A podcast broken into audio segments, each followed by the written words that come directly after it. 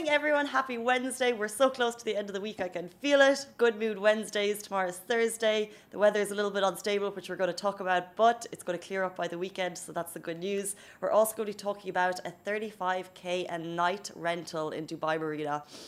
It is as extra as it sounds. We're going to show you a video, and we're also going to be talking about how you can suggest new bus routes on Dubai Bus app, all thanks to the RTA.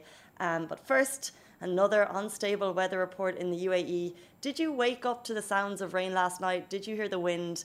Thankfully, it was not as bad as this weekend, but there was rain throughout the night, and we are going to see it until midday. Uh, the National Centre of Meteorology are warning people to be prepared, uh, prepared because there could be some winds, low visibility, and uh, if you're going to be at sea, which you may not be if you're watching this, you're probably at home in bed, and I, am jealous, or maybe you're on your commute. yeah, people are not at sea, but if you are, I think you've taken a boat out. There will be high seas today, so be prepared for that. Um, but yeah, on the RTA, they were announcing that there is like smooth traffic on Sheikh Zayed, so the main roads are fine. Uh, they've already managed to, the authorities have already been out uh, ridding the main roads of a lot of water, but on the side roads there are pools. So they're just basically saying, drivers, please exercise, as always, exercise some caution. Uh, but the video we're showing beside you is just another kind of weird weather phenomenon that happened in Iraq yesterday, and we saw it, it was posted. We shared it on Lovin Dubai, what we initially thought was a tornado, but it is in fact a water spout, which is a very rare, unique thing, um, and it happens off the coast, and it's a column of cloud filled wind that rotates over a body of water. So it's actually not a water, despite what its name suggests. Have you ever heard of a water spout, Alan?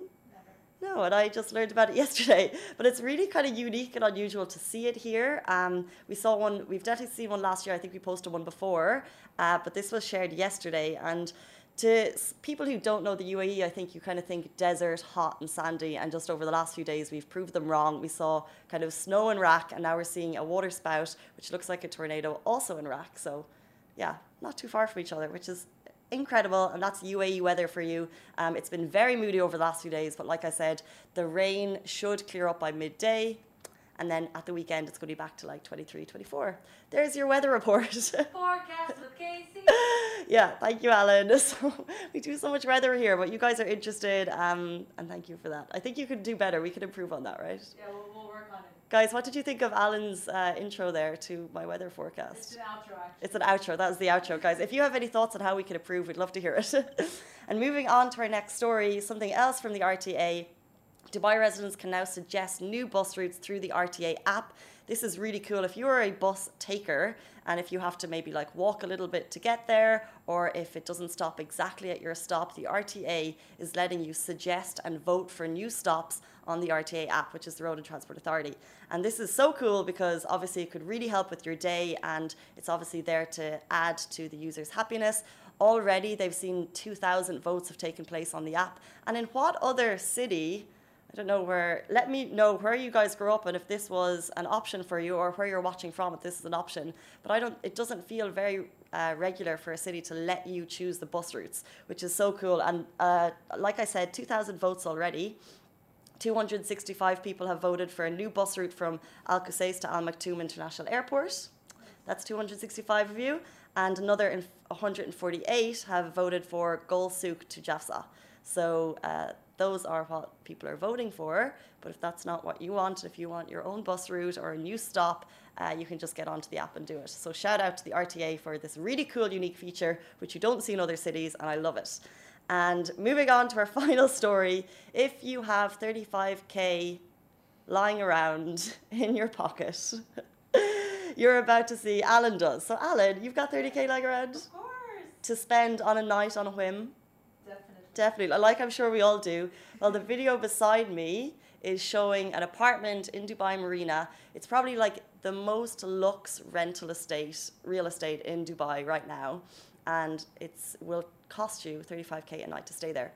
And like it's not kind of your average apartment. This is kind of like home goals. It would fit right in in New York, San Francisco. It's sickeningly good views. It's 88 stories up, three floors. This is the penthouse now, so it's three floors in total. There's like a tree in the middle of the living room. There's like I don't know how many terraces. You get a jacuzzi, you get a plunge pool, you get a gym, you get five bedrooms.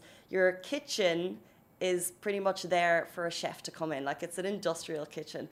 Alan's face is just like, I'm watching the video right now for the first time. yeah, let's flick on. This is unbelievable. So I think to actually own the apartment, it's a hundred million dirham plus. I'm not actually sure on that. And we have the kind of uh, real estate site that are renting it. If you're interested, um, listed on our Lovin Dubai article. Uh, it's called Marina 23. Is the residential building, which I hadn't heard of. But I think that means, I mean, it's just a very pricey place to stay. And the views are incredible. Obviously, let me see what you're checking here yeah, like just trees in the middle of your apartment. I think that means when you've got this beautiful greenery growing out of an apartment, that basically means you've made it, right? also, jacuzzi, floor to ceiling windows, 360 views. Yeah. But I think it's kind of cool for us to be able to see it because I see when we're looking around here, you can see all these penthouse apartments. You never actually get to see inside them. And although we may never live in them, I think real estate goals are just something fun to. Just I'm trying, to, I'm trying to see which building it is. Well, I think it's over here. So we're in JLT. You can see it over here.